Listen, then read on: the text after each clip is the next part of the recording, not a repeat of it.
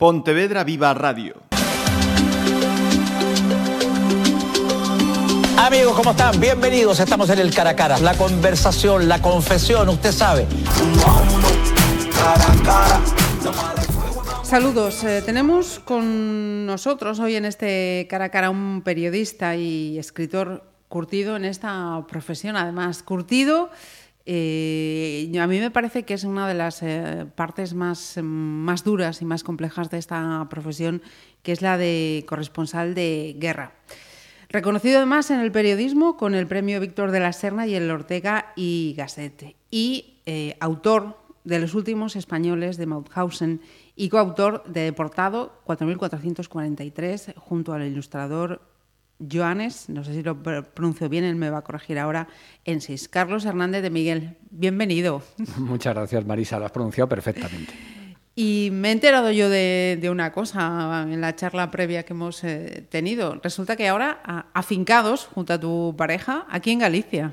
Sí, sí, desde hace ya casi cinco años en la Isla de Arosa y la verdad es que encantado. Tengo que confesar además, ahora que no me escuchan en Madrid, que cada vez me da más pereza bajar a, Madrid y más a gusto estoy aquí. Sí, es un sitio. De hecho, creo que los últimos españoles de Matausen, vamos, que este libro no habría sido posible escribirlo en otro sitio que, en un sitio tranquilo, maravilloso, paradisíaco como la Isla de Arosa. Porque eres murciano.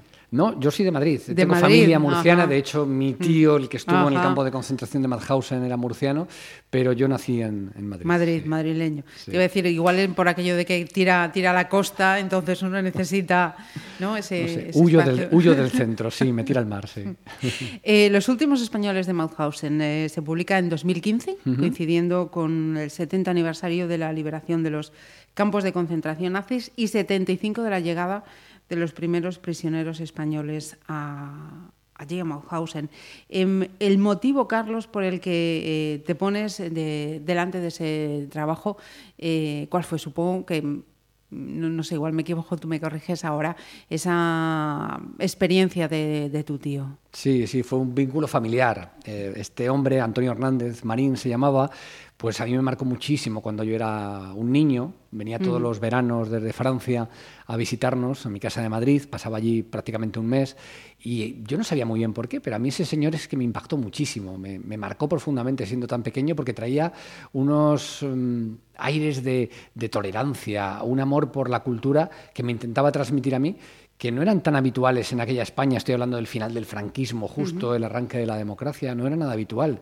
Yo no sabía muy bien por qué, pero ahora eh, le veo como mm, en color, es decir, es una figura de una persona que venía en color a una España en blanco y negro, ¿no? Y me marcó profundamente. Entonces, yo sabía que había estado en un lugar llamado Mauthausen, pero claro, era muy crío para preocuparme por aquellos temas. Y fue pasados los años, cuando él ya incluso había fallecido, cuando me di cuenta de la oportunidad que había perdido, de no haberle preguntado, no haberme interesado por su vida, no haber aprovechado ese trozo de historia tremendo que tuve al lado mío. Y por eso quizás se me quedó ahí grabado y dije alguna vez tengo que investigar su vida.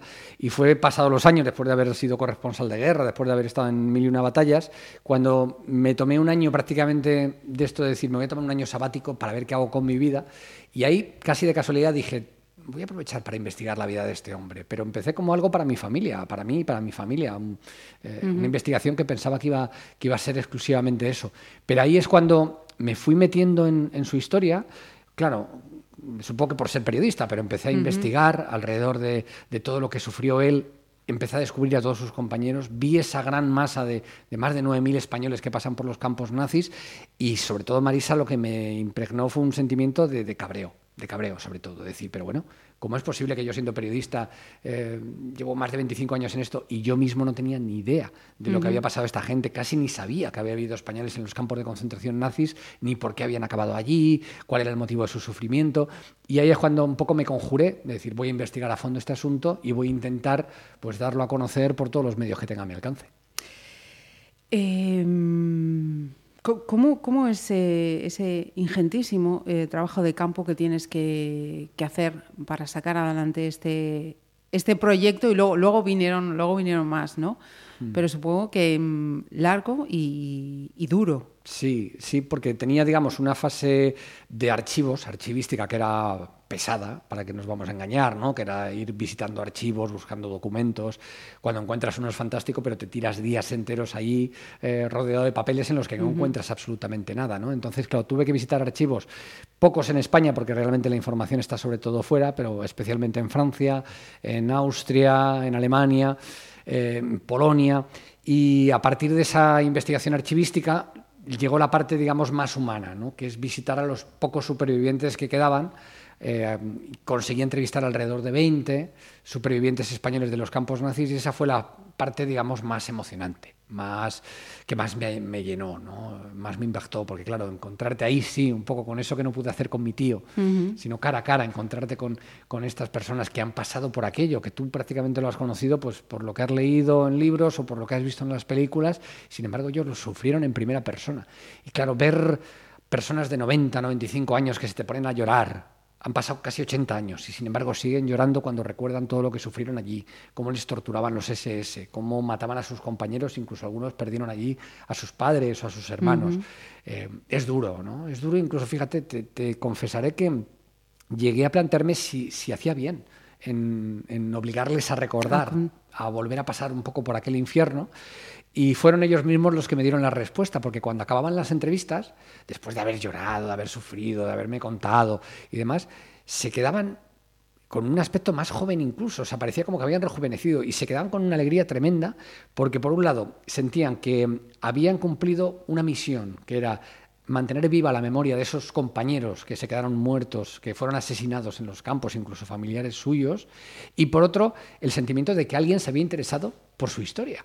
Alguno me decía, gracias. Digo, pero ¿cómo que gracias? Gracias a ti por contármelo, ¿no? Decía, no, no, gracias, porque es que nadie nunca me había preguntado, nadie se había interesado por mi historia, ¿no? Ellos se, han sentido muy olvidados por España eh, y de esa manera, mm, cuando alguien se ha preocupado por, conocer lo que sufrieron, al final se sienten profundamente agradecidos, con lo cual eso es verdad que te acaba quitando esas dudas que tienes sobre si haces bien o no al hacerles al, en, esa, en esa intimidad tan, eh, y para, para, este libro, además, he visto que eh, conseguiste hacerte con, con, pruebas, con documentos que mm. evidencian que el régimen franquista fue cómplice por activa y, por pasiva de, de, aquellas eh, deportaciones de estos de más de 9.300 españoles. Mm, para, esta parte, me imagino o que, tuviste que o debiste encontrar eh, más dificultades que colaboraciones o, no? Sí, sobre todo aquí en España, pero porque básicamente eh, tenemos dos problemas en España con todo lo que son los archivos relacionados con, con, la dictadura. ¿no? Al final esto es obviamente el periodo de la dictadura franquista. El primero es que se destruyeron muchísimos documentos se destruyó. De hecho, el periodo que más documentos se, destruyeron fue de 1936 a 1945, es decir, todo el arranque de la dictadura. ¿Por qué? Porque fue la etapa más dura, la etapa en la que más vinculado estuvo el régimen franquista a la Alemania nazi, a la Italia de Mussolini, es decir, a lo que fue el fascismo europeo de aquella época. La vinculación era estrechísima, eran eh, uña y carne. De hecho, nacieron, nacieron juntos hasta el punto de que, obviamente, eh, Franco jamás habría ganado la guerra en España de no ser por la ayuda de la Alemania nazi y de la Italia de Mussolini. Por lo tanto, ya se encargaron ellos durante 40 años de dictadura de destruir toda esa documentación que era más sensible.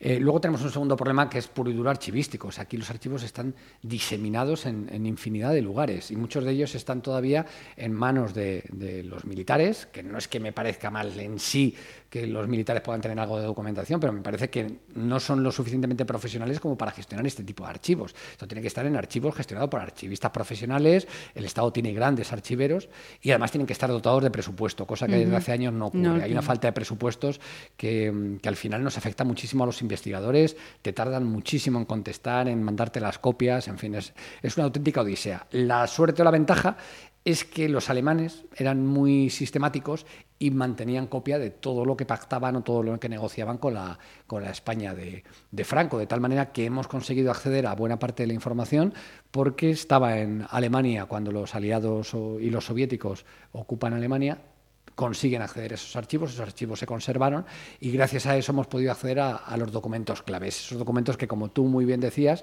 sin embargo, la copia española no está, pero prueban esa responsabilidad directa del régimen franquista, una responsabilidad que hasta hasta que yo publiqué mi libro, es verdad que ya estaba apuntada por muchos historiadores y periodistas, pero siempre estaba apuntada como una complicidad pasiva. Se decía algo así como que Franco había mirado para otro lado mientras Hitler deportaba a estos españoles y españolas a los campos de concentración. Y no es verdad. No fue una deportación, o sea, no fue una, actitud pasiva, sino activa. De hecho, si no hubiera sido por Franco, estos españoles jamás habrían acabado en los campos de concentración. Es decir, si hubiera dependido solo de Hitler, hubieran permanecido durante la guerra en campos de prisioneros de guerra. Estos campos de prisioneros de guerra, que nuestros oyentes seguro que, lo saben, pero hay que, hay que apuntar que tienen una gran diferencia, ahora en una gran diferencia con los campos de concentración. De hecho, era la vida o la muerte. O sea, quienes iban a los campos de prisioneros de guerra tenían muchas opciones de vivir porque allí más o menos se respetaban los derechos humanos y la Convención de Ginebra. Y allí es donde acabaron, por ejemplo, los prisioneros franceses, soldados franceses que son capturados durante la invasión de Francia por parte de las tropas alemanas, acaban en estos campos y allí pasan toda la guerra y la mayoría de ellos sobrevive. También se cometían algunos excesos, pero nada que ver con los campos de concentración. Y es allí donde van los prisioneros españoles, porque los españoles que acaban en los campos nazis, claro, a veces eh, digamos que esto no se explica, parece un poco que acabaron y nadie sabe muy bien por qué, por casualidad, por qué acaban estos hombres en los campos nazis. Acaban porque una vez que huyen de España cuando Franco gana la guerra, pasan a la, Francia, que todavía es la Francia democrática, muchos de ellos se alistan en el ejército francés para combatir contra Hitler. Y cuando Hitler invade Francia, los captura junto a los soldados franceses. De hecho, ellos son parte del ejército francés, estos españoles. Y por eso van a campos de prisioneros de guerra, estos campos de los que hablábamos, donde se respetaba la Convención de Ginebra y donde hubieran podido pasar la guerra con casi toda seguridad salvando sus vidas. Sin embargo, se producen una serie de contactos son, vamos, ininterrumpidos durante toda la guerra mundial, pero una serie de contactos clave entre la España de Franco y la Alemania de Hitler, especialmente una visita del que era cuñado de Franco, ministro de la Gobernación, hombre fuerte del régimen, Ramón Serrano Suñer, que visita Berlín en septiembre de 1940. Allí se reúne con Hitler, se reúne con Himmler, con toda la cúpula de seguridad del Reich, y el mismo día que él se marcha de Berlín, es el 25 de septiembre de 1940, ese mismo día desde Berlín sale una orden a todas las oficinas de la Gestapo en la Europa ocupada para que se vayan, para que agentes de la Gestapo vayan a los campos de prisioneros de guerra, esos campos donde no estaban maltratados los españoles, saquen de allí a, los españoles y solo a los españoles, es decir, allí se quedan los franceses, los eh, belgas, los británicos, los holandeses, saquen solo a los españoles y los manden a campos de concentración. Eso se produce, esa orden sale el mismo día que Ramón Serrano Suñer se marcha de Berlín después de haberse reunido con Hitler, con Himmler y con Heydrich. Es verdad que no tenemos un acta de aquellas reuniones, pero es obvio de, que esa decisión salió de aquellos encuentros entre la mano derecha de Franco y la cúpula del Tercer Reich. Eh, tenía una pregunta para, el final, pero me parece que es un buen momento para, hacértela y preguntarte si, compartes e, esa, impresión. ¿Por qué eh, Alemania u otros eh, países europeos eh, nos muestran, nos enseñan esos eh, lugares eh, del horror, esos capítulos tan negros de, la historia reciente con un fin didáctico, ¿no? Aprendamos de esto para, para, que no vuelva a suceder. Y, sin embargo aquí en España mm, es tapar, callar, ocultar para ver si se olvida. Lo primero, tenemos que asumir que somos una anomalía en la Europa democrática. Es decir, esto de España lo más grande, España somos los... A ver, tenemos muchísimas virtudes, pero tenemos un gran, grandísimo problema que viene desde la muerte de Franco y durante la transición, y es el borrón que se echó sobre la historia eh, reciente de este país. Es decir, desde 1931 no volver a analizar nada de lo que fue el periodo de la República y el periodo de la dictadura. Porque se decía que eso era reabrir heridas, que eso podía volvernos a, llevar a una nueva guerra, en fin, estas cosas que se decían y se siguen diciendo todavía a día de hoy. Claro, eso ocurrió durante la transición, en un momento en el que yo puedo llegar, no sé si a justificarlo, pero al menos puedo llegar a entender que se echara una capa de olvido sobre esa etapa, porque es verdad que era una situación muy complicada. Salíamos de una dictadura, además era una salida pactada, la había atado y bien atado, como él dijo, el, propio dictador, había elegido incluso al, rey como, como, sucesor, y estábamos en un momento en el que había una amenaza permanente de golpe de Estado. De hecho, tuvimos varias intentonas, no solo la del 23 de febrero del 81, sino muchas más. Con lo cual, yo lo digo y creo que no exagero eh, de forma gráfica. Los políticos de aquella época, los políticos democráticos, hicieron la transición con la pistola de los militares en la cabeza, con la amenaza permanente de un golpe de Estado. Con lo cual, puedo llegar a entender que en aquel momento se tuviera que hacer una serie de concesiones y no se pudieran afrontar determinados temas como era abordar eh, lo que era la historia del periodo de la dictadura, analizarlo desde una óptica democrática y acabar con toda la historiografía franquista, que es la que se inventó realmente lo que, lo que nos contaban que había ocurrido en aquellos tiempos y que es absolutamente falso. No hay ninguna base documental para afirmar todas las cosas que nos contaban sobre, sobre ese periodo.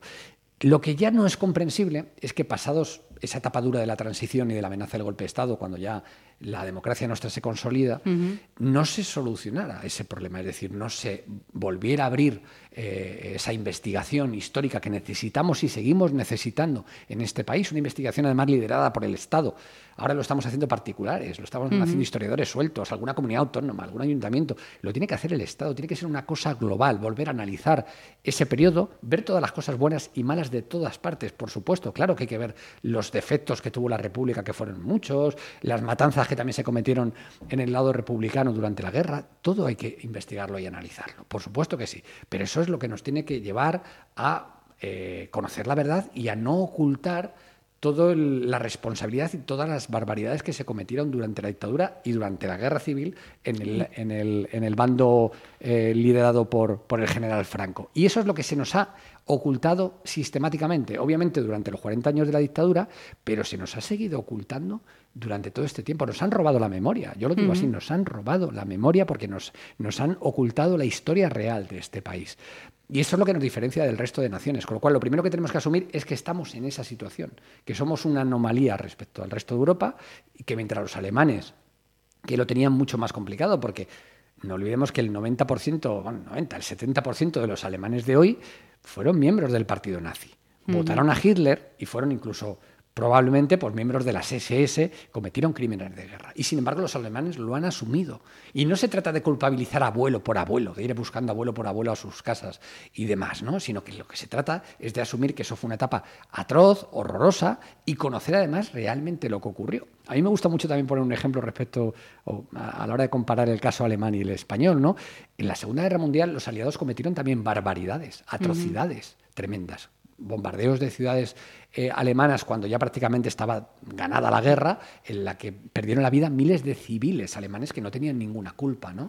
Los soldados soviéticos, en la última etapa de la guerra especialmente, fueron famosos por cometer muchísimas violaciones de mujeres alemanas. Son tremendas las atrocidades.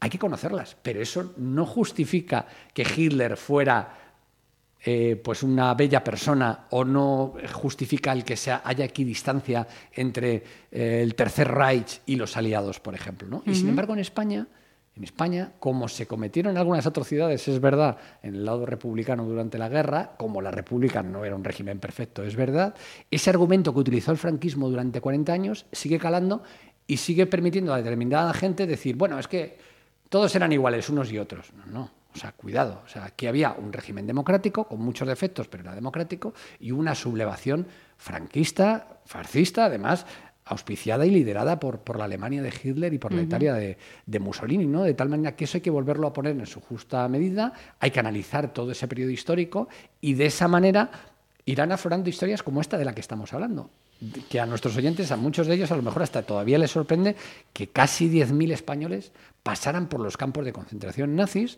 sobrevivieran aproximadamente unos 3.000, 3.500 de ellos y hayan permanecido olvidados, arrinconados, hayan muerto realmente como perros en Francia, sin que nadie en su país les hiciera caso, mientras que en cambio el resto de supervivientes de los campos de concentración, pues polacos, soviéticos, franceses, etcétera, eran considerados héroes en sus países. Ciertamente. Y mm, precisamente, ya mencionabas también eh, ese papel de, los aliados y mm, salvando las distancias, eh, es también la, colaboración encubierta y descubierta y la inacción de, otros lo, que está eh, permitiendo la, prevalencia, tú que has sido corresponsal de, guerra, de, los conflictos bélicos o muchos de los conflictos bélicos actuales. Sí, yo creo que precisamente a mí me gusta mucho cuando hablo con, estudiantes que alguna vez me invitan a dar charlas y demás, me gusta mucho decirles que cuando hablamos, por ejemplo, de esto de los campos de concentración nazis, ¿no? del fascismo de aquella época, a veces se tiende a pensar, ah, eso son cosas del pasado, me están contando unos rollos que son del pasado y para qué quiero conocerlos incluso, ¿no? Y, y demás. Bueno, es que todo tiene que ver mucho con el presente, ¿no? Al final la historia de alguna manera, con matices, muy importantes, evidentemente, pero tiende a repetirse y ocurren eh, cosas eh, relativamente parecidas. Si analizamos el periodo histórico de la Segunda Guerra Mundial, nos encontramos con en fin, con mucha hipocresía y con muchas falsedades, ¿no? Es decir, la primera es por qué Estados Unidos está tanto tiempo en entrar en la Segunda Guerra Mundial. Es decir, ya se sabía que estaban masacrando a media Europa, que estaban exterminando a los judíos y Estados Unidos seguía frotándose las manos. Oye, recordemos que Stalin, la Unión Soviética, firma un acuerdo con eh, Hitler unos meses antes precisamente de que comience la Segunda Guerra Mundial, es decir, de que Hitler invada, invada Polonia y después invada Francia, de tal manera que eh, fue Stalin el que le permitió diciéndole yo no te voy a atacar, tú haz lo que quieras, eh, que se produjera ese inicio de la Segunda Guerra Mundial, con lo cual la Unión Soviética, aquella Unión Soviética de Stalin, tuvo su responsabilidad en todo lo que ocurrió. De hecho, en aquel acuerdo se repartieron Polonia. Y cuando se produce la invasión de Polonia por parte de los alemanes, hay una parte de Polonia que se la queda a la Unión Soviética, que la invade literalmente, mandando también a campos de concentración, en este caso soviéticos. ¿no? Bueno, todo esto hay que conocerlo, porque al final siempre nos suele llegar la historia de los vencedores, que la historia de los vencedores es toda muy bonita. Y es toda, no, no, los aliados eran magníficos, Hitler era muy malo, y bueno, pues los soviéticos también fueron buenos, porque, bueno, sí, sí hubo mucho de eso, pero hay que conocer todos estos matices de los que estamos hablando. Y exactamente lo mismo, yo creo que cuando afrontamos la historia desde ese perfil crítico, desde ese perfil de intentar ir más allá de lo que nos han contado y ir a, preguntarnos qué hubo realmente detrás, eh, eso nos sirve mucho a la hora de, de abordar el presente ¿no? y de preguntarnos bueno, pues sobre todo sobre el terrorismo islamista, por ejemplo, no hay que luchar contra él, estupendo, y sin embargo seguimos vendiéndole armas y seguimos financiando a Arabia Saudí o a Qatar, que se ha demostrado que son países que están dando dinero al ISIS, ¿no? En fin, todo ese tipo de hipocresías es muy, muy importante vencerlas y que la gente no se quede solo con lo que le cuentan no digo los medios de comunicación en general, sino que, también, sino muchas veces eh, movidos por ese discurso único ¿no? que, existe. Hay un ejemplo que a mí me parece también muy llamativo de toda esta historia de la que hablamos, de los españoles de los campos de concentración nazis. Antes de acabar en los campos nazis, cuando eh, la República pierde la guerra y medio millón de españoles huyen de la España de Franco temiendo ser ejecutados, en fin, en pánico, con las pocas cosas que llevan en las manos, van con sus maletitas, van hombres, van mujeres, van niños, van ancianos, cruzan los Pirineos y llegan a Francia, se encuentran en una Francia democrática, una Francia que aún no ha sido invadida por Alemania. Una Francia donde la gente vota cada cuatro años, donde hay una cierta libertad y demás. ¿no? Bueno, pues esos españoles son encerrados en campos de concentración realmente. No había cámaras de gas, pero eran campos de concentración. Mm, recintos especialmente en las playas eh, que rodean con alambradas, que son eh, guardados por, por militares franceses, donde prácticamente no hay comida, no hay agua, no hay barracones, tienen que dormir a la intemperie, se mueren de hambre, se mueren de frío, se mueren de enfermedades. 14.000 españoles mueren en solo tres meses por frío, hambre, enfermedades en esas playas francesas, en esos campos de concentración de la Francia democrática, claro, si pensamos, ¿y hoy a qué me recuerda esto? ¿no? Pues nos viene a todos a la mente los campos de, Grecia, ¿no? donde estaban los, los sirios, los que no vemos en Turquía, esos que los hemos encerrado ahora en Turquía con un acuerdo de la Unión Europea para que sea Turquía la última frontera y se queden allí, y lo único que hemos hecho es llevarlos más lejos para no verlos, pero siguen estando allí y siguen muriéndose, y cuando ahora ha habido nevadas lo han pasado fatal durante este invierno, ha sido durísimo para ellos, ¿no? con lo cual yo creo que por eso es muy importante Mm, aprender historia porque al final te das cuenta de, que te permite estar, claro, te permite estar mucho más preparado para las milongas que nos siguen contando cada día. Eh, Carlos, miremos también eh, a, otra publicación, Deportado 4443. Eh, también en 2015, y, luego nos centramos también en, en, esta segunda publicación, creas una cuenta de Twitter, ¿no? Sí. Eh, con ese nombre, eh, a través de la cual relatas la vida mm, de, tu tío, Antonio Hernández Marín. Un relato mm, que, por si no lo sabíais, eh, siguieron más de 50.000 50, internautas. De aquella, ¿no? Cuando yo leí esta, información, se convirtió en definitiva en un fenómeno ¿no? en, las, en las redes. Em, sin esa idea, supongo que ya, ya iba encauzada, Em, hubiera sido imposible eh, acercar eh, la vida de, Antonio y de todos estos eh, deportados a un público que, a través de, la literatura no, no, no alcanzaría. Ese era el objetivo, exactamente. Cuando, como antes contaba, me conjuré un poco para sacar del olvido esta historia, yo tenía claro que el libro iba a tener un, público limitado, como es lógico, gente que se puede eh, tragar un libro, en este caso de casi 600 páginas, que es verdad que tiene la mitad, es, parte humana, es como los propios supervivientes nos cuentan todo el sufrimiento que hay ¿no? y que pasaron por allí, pero luego todo hay un contexto eh, político histórico en el que se habla de, algunas de las cosas que ya hemos hablado en esta entrevista, como la responsabilidad franquista, también esa responsabilidad de la Unión Soviética, eh, cuál fue el comportamiento de la Francia de Petén, las empresas, no lo olvidemos que hubo muchas empresas que se aprovecharon del trabajo esclavo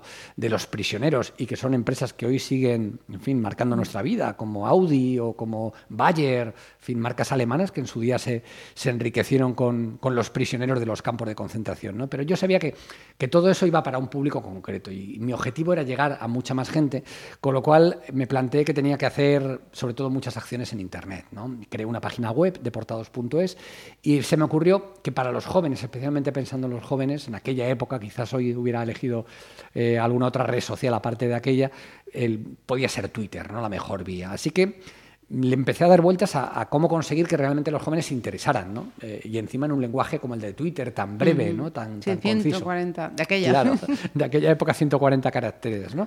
Y llegué a la conclusión de que tenía que ser una especie de, relato en tiempo real. O sea, plantearle a la gente un juego sin decírselo y, y ver si entraban, ¿no? Que era, hemos hecho un agujero en el tiempo, le hemos podido dar un teléfono móvil con Twitter a un prisionero español de un campo de concentración, de Mauthausen, y nos va a estar contando en tiempo real, tuiteando en tiempo real, qué es lo que le pasa. Cómo llegan los SS, cómo torturan, cómo asesinan, también cómo los españoles se organizan para intentar protegerse, en fin, todo ese tipo de cosas terribles. ¿no? Y funcionó funcionó. Es decir, la gente empezó a recibirlo. Yo tenía mis dudas porque, claro, dices, bueno, Twitter, todos lo sabemos, estás en tu casa, estás cenando o estás en el trabajo y de golpe recibes un tweet de alguien que te cuenta que los SS acaban de hacer no sé qué. Podía no haber funcionado, pero es verdad que la gente entró en aquel juego. Sensibilidad. Sí, encontró esa sensibilidad y bueno, las, las, reacciones fueron emocionantes. Yo recuerdo prácticamente haber llorado porque recibía muchísimos tweets de aliento, de, ánimo Antonio, no te rindas, eh, tienes que seguir resistiendo, ya os queda menos, ya verás como muy pronto ver la luz, en fin, o, maldiciendo a los SS, malditos nazis, malditos SS, ¿cómo pueden haceros eso? La gente entró y claro, fue una forma de llegar a un público que quizás, vamos, quizás no con toda seguridad, no hubiera conocido nunca esta historia, especialmente gente joven, de no ser por una acción en redes sociales como fue en este caso Deportado 4443. Y luego ya, mm, no sé si es la frase correcta, pero completando el círculo. Sí, sí, de alguna manera, Bueno, aún, puede quedar una fase más para completar el círculo de, todo, luego te pregunto. Sí. Pero para seguir completando ese círculo, mm, llega eh, Deportado 4443 en formato eh, cómic, ¿no? Y, he leído que, también fue un trabajo eh, durísimo para Juan Espadas, ¿no? que es la, persona, eh, el ilustrador eh, Johannes Ensis, que, realiza este, este trabajo con, esos tweets, ¿no? Sí, fíjate que además en, en, esta, digamos, conjura que me hice para difundir la historia, nunca se me había ocurrido lo de hacer un cómic. Quizás porque, bueno, es verdad que cuando era más joven sí me gustaban los cómics, pero no se me pasó por la cabeza. Y un día, sin embargo, recibo a través de Twitter precisamente un mensaje de una persona, me dice, oye, tengo un amigo que es dibujante que quiere hablar contigo urgentemente y demás. Y era Ione Sensis, em, que llevaba ya muchos años eh, trabajando en esto y que, se había emocionado mucho siguiendo la cuenta de Twitter. Y me dijo, Carlos, que quiero ilustrarlo, te quiero pedir permiso para ilustrarlo. Y bueno, a mí se me abrió un mundo, claro. O sea, eh, le di las gracias inmediatamente. Digo, no, no, no que tenga mi permiso, tienes mi agradecimiento, vamos a ponernos con ello, porque enseguida se me ocurrió, ¿cómo se me ocurrió? Enseguida fui consciente de que era una vía nueva para llegar también a público joven, no solo a público joven, porque el cómic le gusta a todas las edades, ¿no? Pero es verdad que especialmente a público joven, eh, con un lenguaje diferente, con una, una, pues es una imagen ¿no? visual eh, que podía ser muy impactante y que nos abría una, una vía nueva. Yo creo que todas las vías eran buenas en este caso, Twitter, la página web, el libro, en fin, las mil cosas que hemos ido haciendo. Y esta era una vía nueva que efectivamente ha funcionado muy bien. Ya ha salido hace, salió en mayo del, del pasado año el cómic y más allá del número de ventas que ha sido importante, me ha encantado la respuesta que ha tenido por parte de centros educativos, que lo han adquirido para enseñárselo a sus alumnos, que lo han utilizado como herramienta para realizar trabajos eh, con sus alumnos, es decir, que ha cumplido ese objetivo precisamente didáctico, ¿no? de, acercar esa historia de estos españoles a los, a los más jóvenes, que si no, pues, hombre, tienen libros, tienen vías, pero aquí todavía, tristemente, a día de hoy no hay una película Mm, tienen la lista de Slinder, pero tienen películas sobre judíos, tienen películas mm. sobre víctimas que son necesarias, hay que conocer, por supuesto, pero no hay una película, ahora dentro de poco parece que sí la va a haber. Eh, ya te me adelantas, ya entonces, ¿basada en, tu trabajo? No, no, no, no está basada en mi trabajo, no, no, no. Esta, esta película es Frances Boyce, el fotógrafo de Mauthausen, se va a llamar El fotógrafo de Mauthausen, protagonizada por Mario Casas. Es una película que está basada en la vida de un prisionero de Mauthausen, que quizás sea el más conocido dentro de los pocos conocidos que son todos, porque cometió una, vamos, hizo una gran gesta dentro del campo. Eh, cuando iba pasando el tiempo, yo siempre digo que en los campos de concentración pasa como en las guerras o en, los lugares más horrorosos siempre se ve lo peor del ser humano, pero también se ve lo mejor del ser humano. En Mauthausen, por ejemplo, más allá de que los españoles murieran de las formas más terribles y sufrieran allí un tormento, eh, se vio la grandeza de, de, ese ser humano porque empezaron a organizarse entre ellos, a compartir comida, crearon una especie de resistencia clandestina interna dentro del campo, que llegó a conseguir bueno, logros extraordinarios. Uno de ellos, quizá el más conocido, fue el robo de unas fotografías, porque los alemanes, los nazis, lo documentaban todo. Eran muy germánicos, nunca mejor dicho, ¿no? Y lo, lo, documentaban todo, entonces hacían fotografías incluso pues, de los crímenes que cometían, de los prisioneros que se lanzaban contra las vallas electrificadas, desesperados y se suicidaban. Entonces había un material gráfico impresionante en el campo. Y en ese laboratorio fotográfico había tres españoles trabajando como ayudantes de los SS que nunca cogían las cámaras, no se les permitía, pero les ayudaban a revelar las fotografías. ¿no? Entonces, esos españoles, liderados por Francisco Bois, fueron conscientes de que había que intentar preservar esas fotografías porque eran una de las mayores pruebas de los crímenes cometidos por los SS en el campo de Mauthausen y temían que en caso de que los alemanes perdieran la guerra pudieran exterminarles a todos los prisioneros. Eso fue, de hecho, hubo planes de exterminio que al final, por suerte, no se llevaron a cabo, pero hubo planes para exterminar a los prisioneros de los campos antes de que tener que liberarlos, ¿no? Por la llegada de las tropas aliadas y soviéticas. Entonces, los prisioneros eran conscientes de que ese riesgo existía y querían que esas pruebas se preservaran de alguna manera, con lo cual planearon una forma de robar esas fotografías poco a poco, algunas de ellas, y sacarlas del campo de concentración, donde había una vecina del campo, una señora llamada Anne Pointner, que era antifascista, no era nazi, era austriaca, pero no era, no era afín al partido nazi, y que se había comprometido a guardarlas en su casa. Entonces montaron todo un, una operación de película, nunca mejor dicho, en la que participaron tres jóvenes españoles que trabajaban fuera del campo, escondieron esos, esas fotografías entre sus ropas y consiguieron sacar las fotografías del campo de concentración, dárselas a esta mujer se conservaron hasta el final de la guerra. Afortunadamente no exterminaron a los prisioneros, con lo cual los propios prisioneros pudieron acabar recogiéndolas cuando fueron liberados. Y fíjate la importancia de la operación, que esas fotografías fueron exhibidas en los juicios de Nuremberg, los juicios en los que se juzgó a toda la cúpula del Tercer Reich, la que quedaba con vida, porque muchos ya como Hitler o Himmler se habían suicidado, pero los que quedaban con vida se juzgaron en Nuremberg y en ese juicio se exhibieron estas fotografías robadas por los españoles y no solo eso, sino que Francisco Boix fue el único español que compareció como testigo ante aquel tribunal el único español que compareció en los juicios de Nuremberg para señalar con el dedo a los culpables. Bueno, pues todo eso, toda esa, historia que es tremenda, es increíble, aunque hay muchísimas parecidas protagonizadas por españoles, ha dado pie a hacer una película que se llama El fotógrafo de Madhausen, que protagonizará Mario Casas y que se va a estrenar antes o después de verano, que yo espero que sea un punto muy importante para sacar del olvido y hacer que todavía mucho más esta historia a, a nuestra gente. Mm. Ya, que llegue ya. Que llegue ya, sí. Mira, y hoy, hoy habíamos invitado a, Carlos, porque ha estado participando en, una de las charlas que está dando en, centro en centros educativos. Has estado en el Instituto Fray Martín Sarmiento. Yo quería eh, preguntarte cómo, cómo reaccionan, cómo son las reacciones de estos chavales cuando les cuentas eh, todo esto. Bueno, es, increíble. La verdad es que a mí es una de las cosas que más me gusta hacer. tengo la suerte de que desde que publiqué en 2015 el libro me han invitado a muchísimos sitios, actos de todo tipo, todo tipo de organizaciones, ayuntamientos, instituciones y demás. Pero lo que más me gusta hacer es ir a los institutos, porque primero claro, es la base de la educación, ¿no? Es lo que nos han robado, a, mi generación nos la robaron, no nos enseñaron la historia de verdad, ¿no? Y afortunadamente ahora, en cambio, estos jóvenes sí la pueden recibir en libertad. Y mm, verles como normalmente suelen llegar con caras escépticas. Es lógico, son gente joven, está pensando en otras cosas. Nosotros lo hacíamos cuando tenía su edad. Pensar otra cosa sería un poco ridículo, ¿no? Es lógico, pero sin embargo, cuando empiezan a, a conocer la historia. Sobre todo a mí me gusta mucho proyectarles vídeos cortos donde son los propios supervivientes a los que yo entrevisté, los grabé en vídeo, los que les cuentan algunas cosas, ¿no? De cómo vivían en el campo, cómo sufrían, también cómo se organizaban. Claro, ellos ya ven a, protagonistas de verdad que encima no hablan en inglés, y no son doblados, no, no, les están hablando además incluso con acento pues de Andalucía o de Cataluña o, o gallego, ¿no?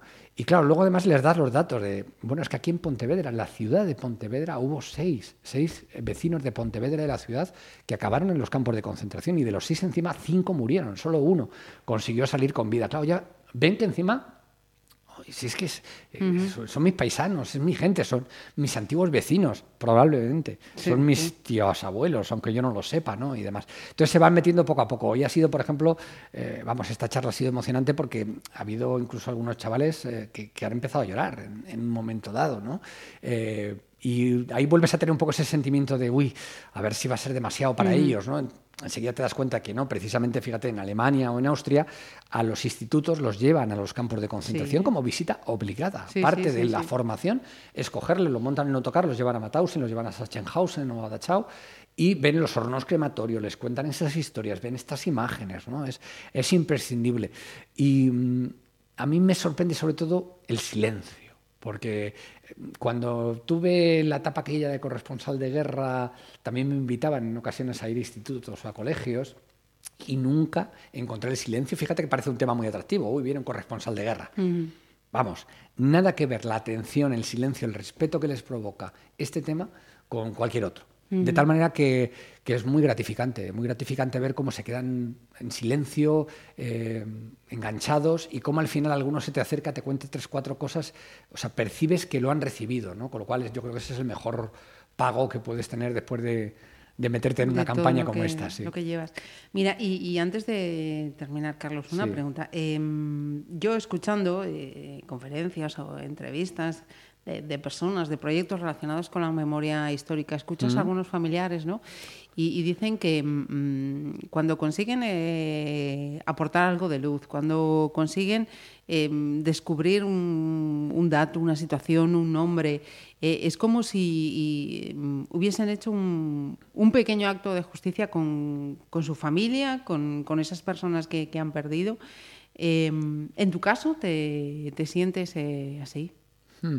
Sí y no, te voy a explicar por qué. Eh, a ver, yo, eh, vamos, utilizo también de vez en cuando el término memoria histórica, ¿no? Pero, porque además es verdad que hay un, hay un trabajo de memoria histórica, pero yo el trabajo de memoria histórica, digamos que lo circunscribo un poco más a lo que es efectivamente pues recuperar más que la historia incluso pues los restos de, los seres queridos en fin un trabajo más mm, encaminado exclusivamente a recuperar historias personales particulares y demás que es muy necesario es imprescindible no pero yo creo en paralelo a eso y es un poco mi objetivo hay que hacer historia. Es que el problema es que en este país nos han robado la historia.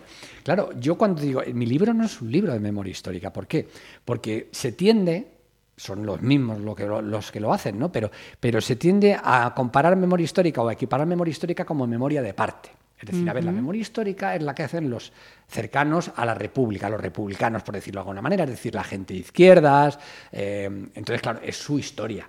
Pero luego está la otra historia, para cuellos, no sé. No, no, no, vamos a ver, cuidado. Yo no hago memoria histórica. O sea, yo en mi libro no hay nada que no esté documentadísimo, basado en, vamos, basado no, son hechos absolutamente contrastados. Incluso los testimonios de los supervivientes cuando...